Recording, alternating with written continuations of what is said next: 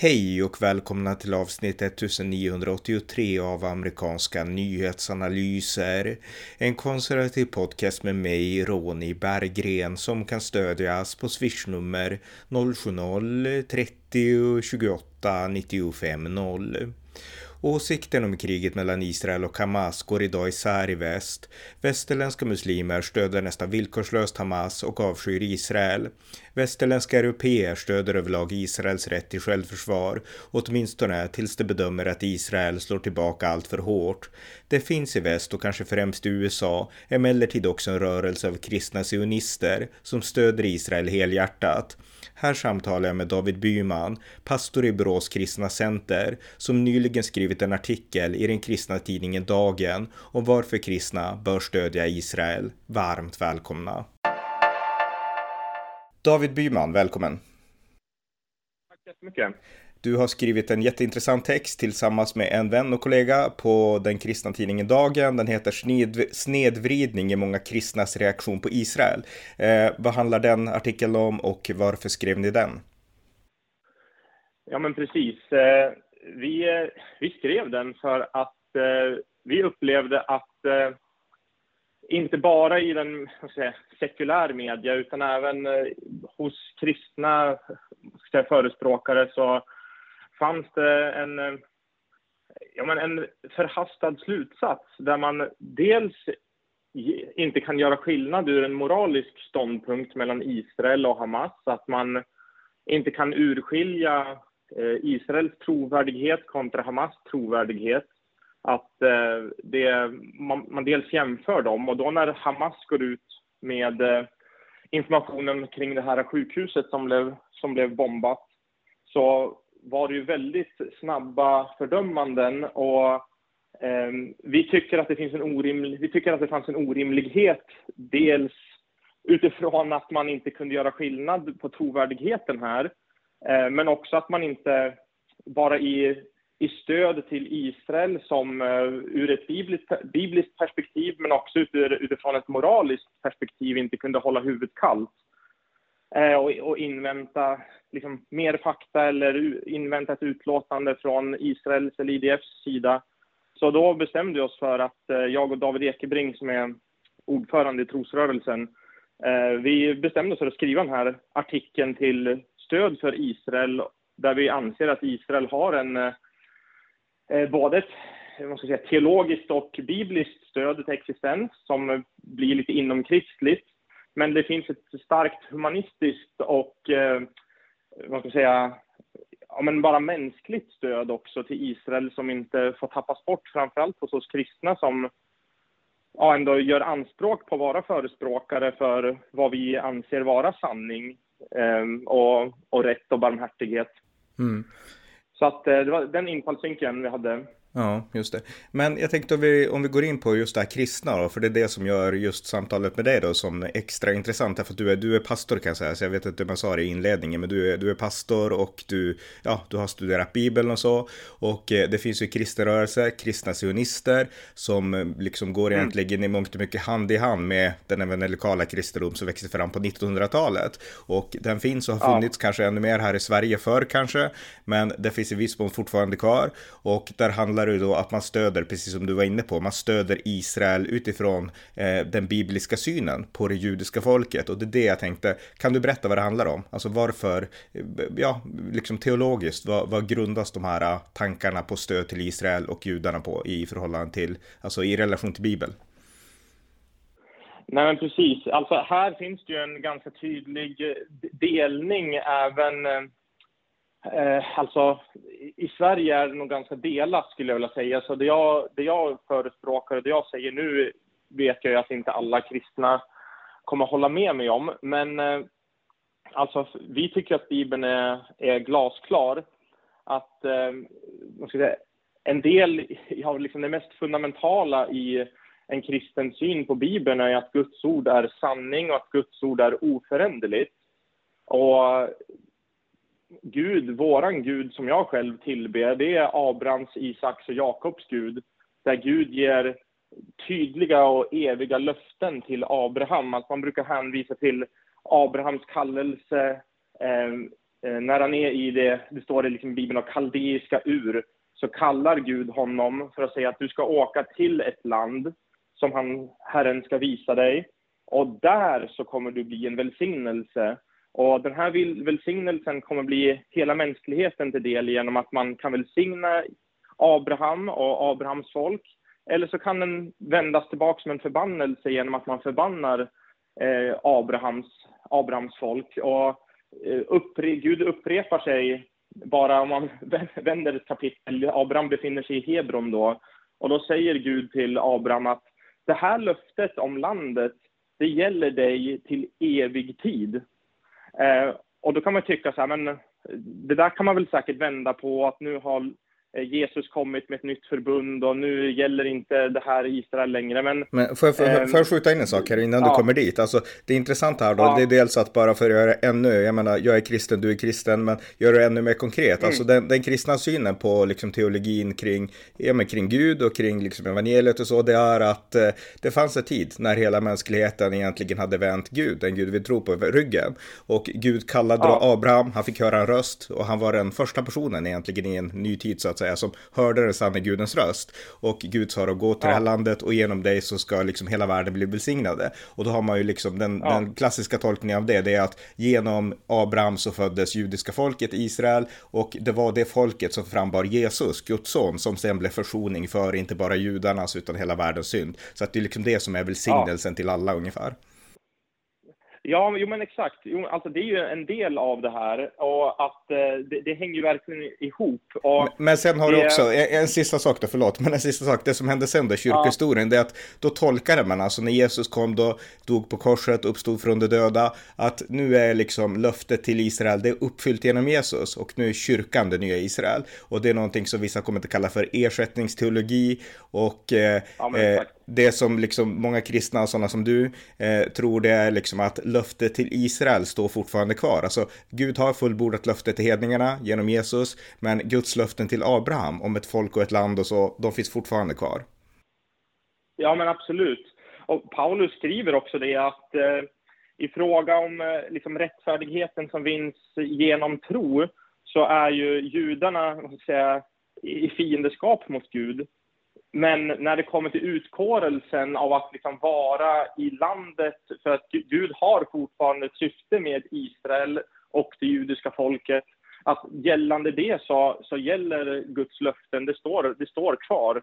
Och att eh, det jag tror många kristna har missat och som eh, har tyvärr gått fel i kyrkohistorien, det är att man har tagit den här andliga välsignelsen som vi har fått del genom Jesus Kristus att ha tagit på något sätt och klippt av det som gäller Israel och det judiska folket. För det finns en betydelse där för, eh, som Gud har tänkt med judarna och det israeliska folket som inte är i, varken i motsättning utan som ett komplement till, eh, till den kristna kyrkan. Och det är att vi ska vara ett vittne, eh, en vittne för världen om att det finns en Gud som är barmhärtig, det finns en Gud som älskar, det finns en Gud som är rättfärdig.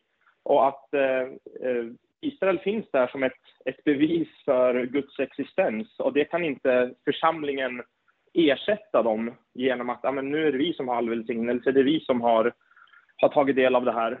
Utan, eh, och det, har, det hänger ihop med, tror jag, med att hur ser man på Guds ord? Att, eh, att har Gud förkastat Israel eller inte? Jag är helt övertygad om att Gud inte har förkastat Israel, även om de inte är, vad ska jag säga, frälsta eller räddade för evigheten, eller vad man ska säga. De, de tror inte att Jesus är Messias, för att göra det ännu, ännu enklare. Ja, men exakt. Det, det är väl ännu, ännu bättre. Jag visste inte riktigt hur jag skulle uttrycka mig här. Det är kanske inte alla som är, har kyrkvana som lyssnar. Nej, nej precis. Men, uh, men jag tänker också, alltså, för det här, vad, vad som liksom jag vill få ut av det här samtalet och som jag tycker gör det här så intressant och som gör att jag helt stöder liksom, din syn på saken, det är primärt, alltså oavsett hur man tänker om det teologiska, som sagt, alltså genom kyrkohistorien mm. har man inte betraktat saker så här, utan då har man verkligen betraktat hela katolska kyrkan, hela ortodoxa kyrkan mm. och de historiska kyrkorna. Det kommer reformationen sakta, sen så växte det på 1900-talet, ja. de här tankarna. Men generellt så har man ändå ja. betraktat som kyrkan som det nya Israel, så att det, det är i kyrkohistoriskt perspektiv en viss ny tanke. Men det jag tycker är den stora styrkan här, jag menar nu kan vi se om vi bara tittar rent liksom det som händer i världen rent politiskt, alltså i mångt och mycket så vänder sig världen, i synnerhet den muslimska världen, men även delar av västvärlden mot Israel. Och mm. de grupper som håller kvar med, vid stödet med Israel, det är grupper som har starka fraktioner av de här kristna sioniströrelserna. Och det främsta exemplet på det, det är USA. De, de här tankarna växte fram i mångt och mycket i England och i USA också. Och eh, där finns det inom det republikanska partiet i synnerhet idag starka evangelikala grupper som tror exakt de här sakerna som du nu har berättat lite kortfattat. Och där har vi ja. liksom ett genuint stöd till Israel. Och eh, jag menar, det innebär inte ett fanatiskt stöd eller att man är blind för att Israel kan göra fel eller så. Men i den här omgivningen mm. där det alltid är det här liksom hackandet på Israel från alla håll, där varje lilla misstag gör att nej men okej, nu kan vi inte stödja Israel, Israel längre. Då står de här grupperna kvar, fasta vid sitt stöd. Och det är det jag tycker tycker är styrkan med den här rörelsen. Och jag har svårt att tro att Israel skulle haft särskilt många vänner runt om i världen om det inte vore för den här kristna sionismen. Så att på så vis så tycker jag att den här kristna sionismen är en unik styrka i, liksom, i världspolitiken på ett sätt som, ja men ofta svartmålas, eh, kristna sionister. Jag minns när jag pluggade på universitetet för 20 år sedan typ i Umeå, då var det hela tiden, ja de här tittar liksom, för då var George W. Bush, han var ju kristen evangelikal då, president i USA. Och då var det alltid, ja men han gillar Israel för att han är en galen fanatiker ungefär. Så att eh, det är mycket svartmålning av de som tror som du gör, men styrkan kan man se i liksom att Israel har genuina vänner och det tycker jag är liksom, eh, ja, jag tycker att det är jättebra. Eh, tänkte jag bara säga. Men min, min fråga dit jag vill komma nu då, är att finns de här, eh, hur ser miljöerna ut i Sverige idag bland frikyrkliga och bland kristenheten? För att jag menar, Svenska kyrkan har jag svårt att tro är liksom på din sida här. ja, ja, men det, det, jag, skulle säga att det finns inget sammanhang som är att det inte finns Israelvänner, utan eh, jag har eh, själv säga, vänner eller kollegor inom, eh, inom Svenska kyrkan som är Israelvänner och som kommer och deltar på Israelkonferenser. Så jag, jag skulle inte vilja säga att det är något sammanhang som är som är liksom helt frånkopplat det här. Sen så är det klart att det finns ju ett spektra här där man är mer eller mindre. Det är svårt för mig att recensera så. Där jag kanske ser ett tydligast stöd för Israel är väl inom de, om man ska säga, de så kallade pingstkarismatiska grenarna i kristenheten. Att, eh, inte uteslutande, men det är väl kanske där det finns eh, ett tydligast stöd. Ehm, eh, att, jag vet att jag har en kollega som, jag bor i Borås, det är en kollega, en pingstpastor som bor uppe i, eh, i Skövde som eh, gör ett fantastiskt arbete. Han har skrivit eh, artiklar i Göteborgs-Posten och Svenska Dagbladet och som bedriver poddar och, eh, och som verkligen är en, en, en, tydlig röst för, för Israel och en förespråkare för liksom, den kristna sionistiska rörelsen i Sverige. Så att vi, vi, finns lite, lite överallt, men kanske bland de karismatiska grenarna eh, lite tydligare och, och lite vanligare. Så att eh, jag är själv uppvuxen inom eh, trosrörelsen och Livets Ord. Och eh, där har ju det här, det här är liksom någonting som har funnits med oss hela tiden. Att eh, Guds löften till Israel står fast, det judiska folket har fortsatt en, en roll. Eh, och måste säga, det, det har ju också kommit genom förespråkare från USA där man ja, men där man har haft en helt annat synsätt på det här. Så att, men det, det tror jag genomsyrat jag lyssnade på en podd du hade för något år sedan med Torbjörn Aronsson mm. som eh, och där han la fram det väldigt bra också och hur liksom en Levi Petrus eh, och man ska säga, sökte kontakt med de eh, amerikanska man ska säga, bröderna eller man ska säga i, i USA då. och eh, det har ju varit influerat under 1900-talet en stark, jag menar pingströrelsen för 50 år sedan var ju oerhört tydlig med, med sin ställning gentemot Israel. Så det finns, jag vet inte om det blev ett samlande svar här, men det finns lite överallt. Men eh, ja, framförallt bland de pingstkarismatiska grenarna. Ja, jo precis. Jag menar, du nämnde Livets Ord. Jag menar, jag besökte Livets Ord år 2000. Det var Benjamin Netanyahu som då hade, då var han inte premiärminister utan han hade nyss fått lämna, men han var på besök på Livets ja. Ord och han pratade om, jag vet inte om du var där, du är lite yngre än mig, men, men liksom han pratade ja. om kristen sionism och hur viktig den kristna sionismen hade varit för att liksom inspirera den judiska sionismen. Det är ett rätt intressant perspektiv, ja. men han pratade om det och det var otroligt inspirerande och det visar verkligen att att den här kristna sionistiska rörelsen, den har uppfattats liksom positivt i Israel också. Eh, inte kanske av alla, men ja. definitivt av Netanyahu och av hans falang. Så att det finns liksom ett ja. vänskapsband mellan Israel och den här kristna sionistiska rörelsen. Jag menar, du berättar om Livets Ord och liksom trosrörelsen, alltså ni har ju eh, aktiv, alltså ni har ju många liksom aktiva kontakter och arbeten med Israel idag, så att ni har ju en god relation, inte bara hypotetiskt eller teoretiskt, utan i praktiken med Israel. Ja, men så är det.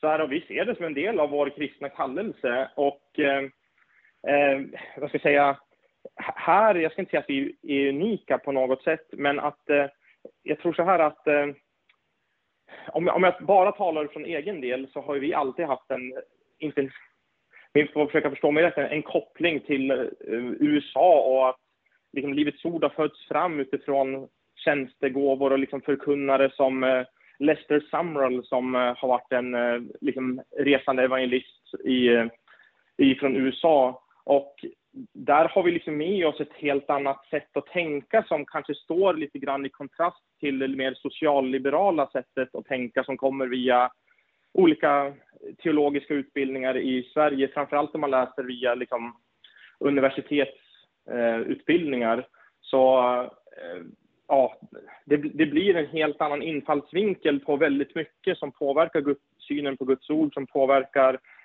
därmed också synen på Israel. Där, eh, måste säga, trosrörelsen och mitt sammanhang är kanske inte kända för att vara starka förespråkare av socialism till exempel. Och här, här blir det ju en, eh, här blir det ju liksom en, en skillnad lite grann i infallsvinkel som påverkar väldigt konkret också samhällsfrågor. Mm. Eh, så att eh, det där är, ja, man har lite olika infallsvinklar. Ja, men jag vill betona återigen alltså hur bra det är att det finns perspektiv som det som du representerar. Av den enkla anledningen alltså att när jag växte upp där på 90-talet då var det så att många av mina, jag växte också upp frikyrkligt då, eh, och då var det så att många av mina kompisar på den tiden, de rörde sig åt vänster. Jag gjorde inte det, men det var inte för att jag rörde mig kollektivt åt höger heller, utan det var för att jag liksom läste om Thomas Jefferson och liksom det här amerikanska liksom helt på egen hand liksom. Men, men många kompisar som var mer kollektivistiska än jag var, de trodde inte att de var det, men de var det.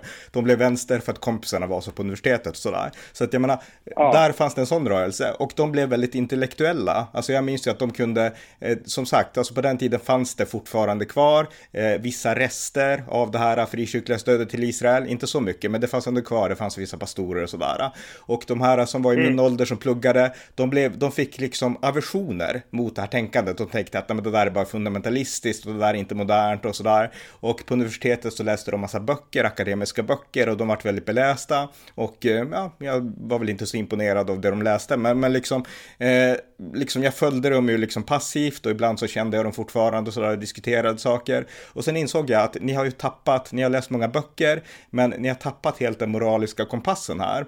Och sen så, ja. när det var krig i Israel och så här drabbades av saker, då kunde de här människorna som hade läst, nu har jag läst väldigt mycket jag också liksom, men, men jag har mer läst om USA än om Israel, men, men liksom, då kunde de liksom slänga ur sig saker, skriva saker som till exempel sluta, bara sluta kunde de skriva. Det var liksom sådana saker, alltså när det var, alltså när det kom till kritan, då kunde liksom hela deras belästhet hjälpte dem inte att dra rätt slutsatser. Utan då mm. insåg jag att sådana här som har den här kristna fundamentalismen som du har, det spelar ingen roll. Jag menar, du är kanske inte akademiker, men jag menar, du behöver inte ha läst 30 böcker om Israel. Du drar ändå de liksom moraliska, instinktiva, korrekta slutsatserna när det blir skarpt läge. Och det var det mina vänsterkompisar, oavsett om de var frikyrkliga eller helt vanliga, liksom icke-frikyrkliga, det var det de aldrig klarade av att göra. Så jag menar, deras akademiska teorier hjälpte dem inte när det var skarpt läge läge. Så att det fick mig nästan att tycka att det här är ju liksom det här är ju liksom, jag vet inte om man ska säga högmod eller arrogans, men de är belästa, men det hjälper dem inte. De, de, liksom, de fyller ja. sig med totalt värdelös snabbmat och det gör ingen nytta när det blir skarpt läge liksom. Och det är det som fascinerar mig så mycket mer än den kristna högern, därför att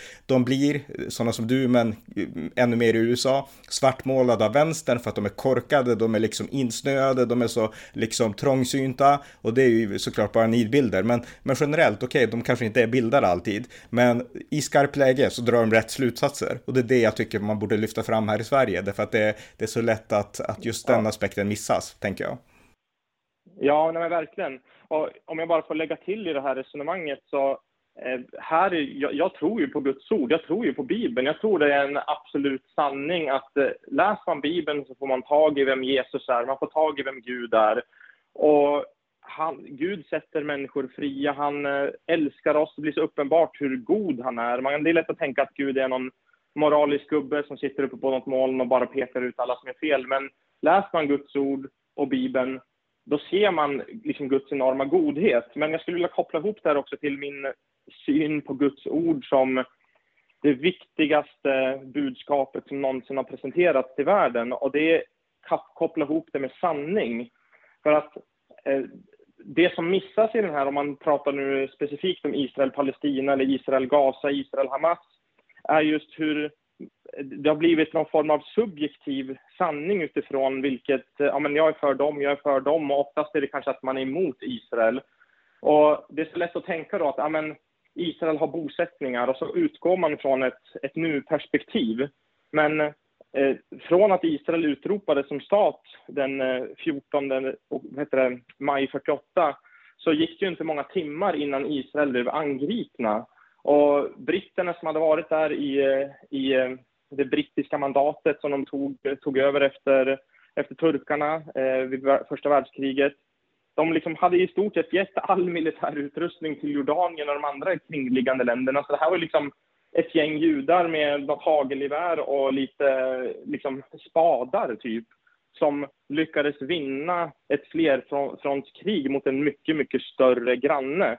Och det är så lätt att tänka nu att nu har vi stora mäktiga Israel med IDF och det är bomber och det är liksom en högutvecklad armé som angriper de här stackars eh, liksom, gatubarnen i Gaza. Men det är en helt förkastlig syn, för att man måste ju backa till hur har staten Israel förhållit sig till sina grannar från att de blev utropade som nation. Och att här tror jag liksom att det finns en sanning som, eftersom Gud är sanning och jag tror att Gud är för Israel, så finns det hela tiden en sanning som aldrig, eller allt för sällan åtminstone, lyfts fram i svensk debatt och över hela västerlandet. Och det är liksom, Israel har försvarat sig och när man då har vunnit krig genom försvar, då, då, finns det liksom, jag kan inte alla de där artiklarna och mm. exakt mm. vad det som gäller, men de har liksom folkrätten på sin sida. De har liksom de här internationella lagarna mm. och rätten på sin sida att liksom hålla, ta, ta vissa områden utifrån att man måste skriva ett fredsavtal, man måste liksom erkänna varandras rätt till existens. Och, eh, det har ju liksom varit kriget eh, 48, sen har det varit eh, egentligen, det har aldrig slutat, men de lite större grejerna är det ju sexdagarskriget 67 och Jom Kippur-kriget eh, 73. Och vid varje de här tillfällena så har Israel blivit angripna och mirakulöst så har de, har de lyckats vinna. Och liksom, de tog Sinai till exempel efter, eh, efter sexdagarskriget men skrev sen avtal med, med Egypten. Så nu finns ju liksom en, en erkänd gräns däremellan. Så de är det ju inte krig emellan och hade, hade liksom det som var då inom situationstecken Palestina, hade de bara från början via Arabförbundet eh, avslutet på 47 bara erkänt Israels rätt till existens, då hade de haft det här landet som de säger sig alltid ha hört hemma, hör, hört hemma vid. Mm. Men de har liksom aldrig kunnat erkänna Israels rätt till existens.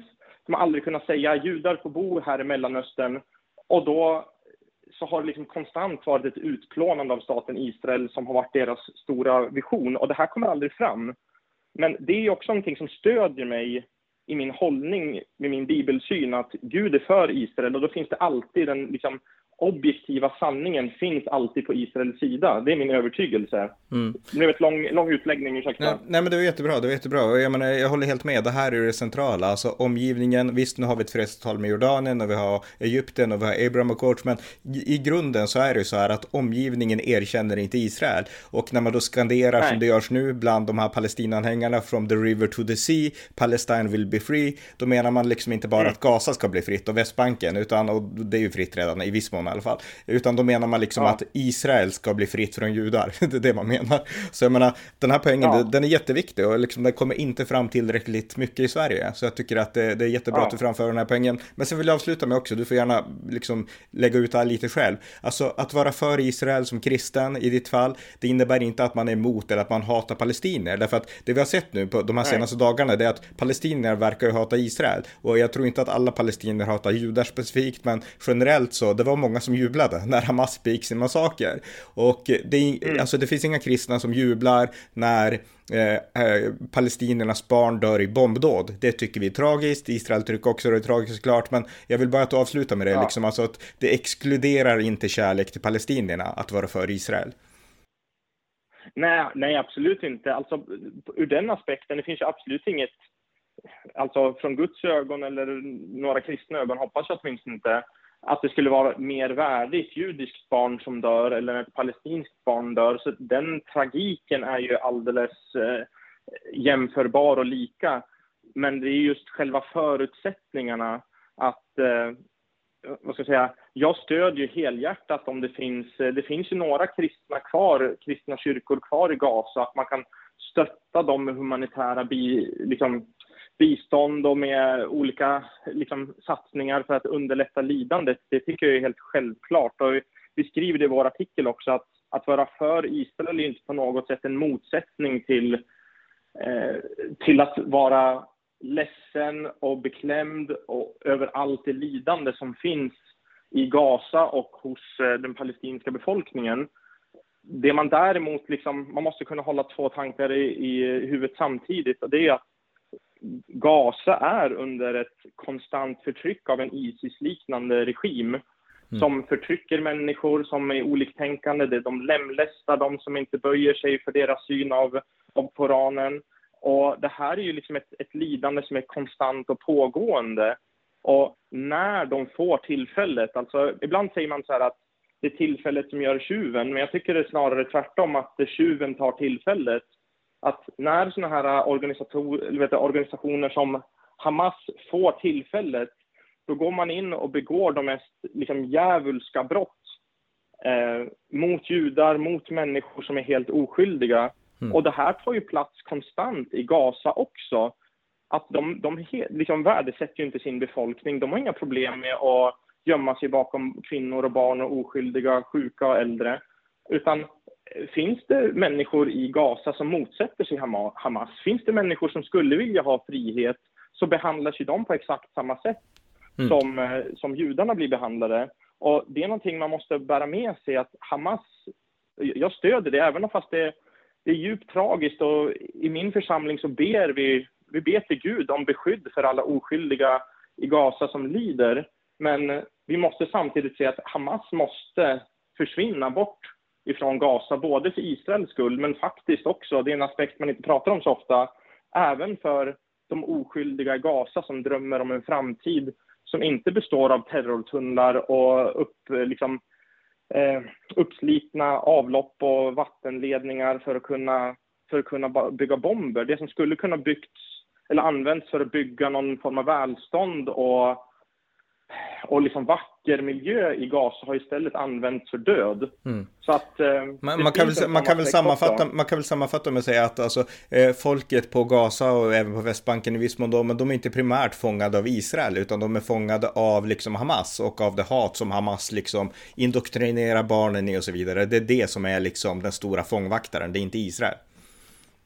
Nej, alltså, nej men det, det är jag absolut helt övertygad om. Och eh, det är, nej, det, det, är, det är djupt tragiskt och det är, jag hoppas ju att, att det inte finns någon i något läger, oavsett om man är kristen eller bara en Israelvän, som tappar empatin med alla de här stackars människorna. För att eh, de, är, de är lika älskade av Gud och, och man önskar bara så mycket bättre för dem än vad de får nu genom Hamas. Mm. Och det avslutar vi med och jag vill säga att den poängen är intressant därför att de här palestinska aktivisterna som viftar och så, de säger aldrig att israeliska barn är älskade av Gud, utan det är liksom, det är det som gör kristna så unikt. Alltså man kan ha den här moraliska ståndpunkten att Israel ska vi stödja utan att för den skulle liksom dela upp det vi och dem. Alltså du, du, du motsätter ju liksom nidbilden av den här kristna högern som menar att de är liksom fundamentalister. Alltså, så att jag tycker att den här balansen är jättebra och ni kristna, ni lyckas, ni lyckas liksom hålla balansen ofta och det gläder mig. Så att tack så mycket David för att mm. du ville vara med här. Tack så jättemycket. Tack för att ni har lyssnat på amerikanska nyhetsanalyser. En konservativ podcast som kan stödjas på swishnummer 070-30 28 95 0 eller via hemsidan på Paypal, Patreon eller bankkonto. Skänk också gärna donation till valfri Ukraina-hjälp eller Israelinsamling. Allt gott tills nästa gång. Thank you.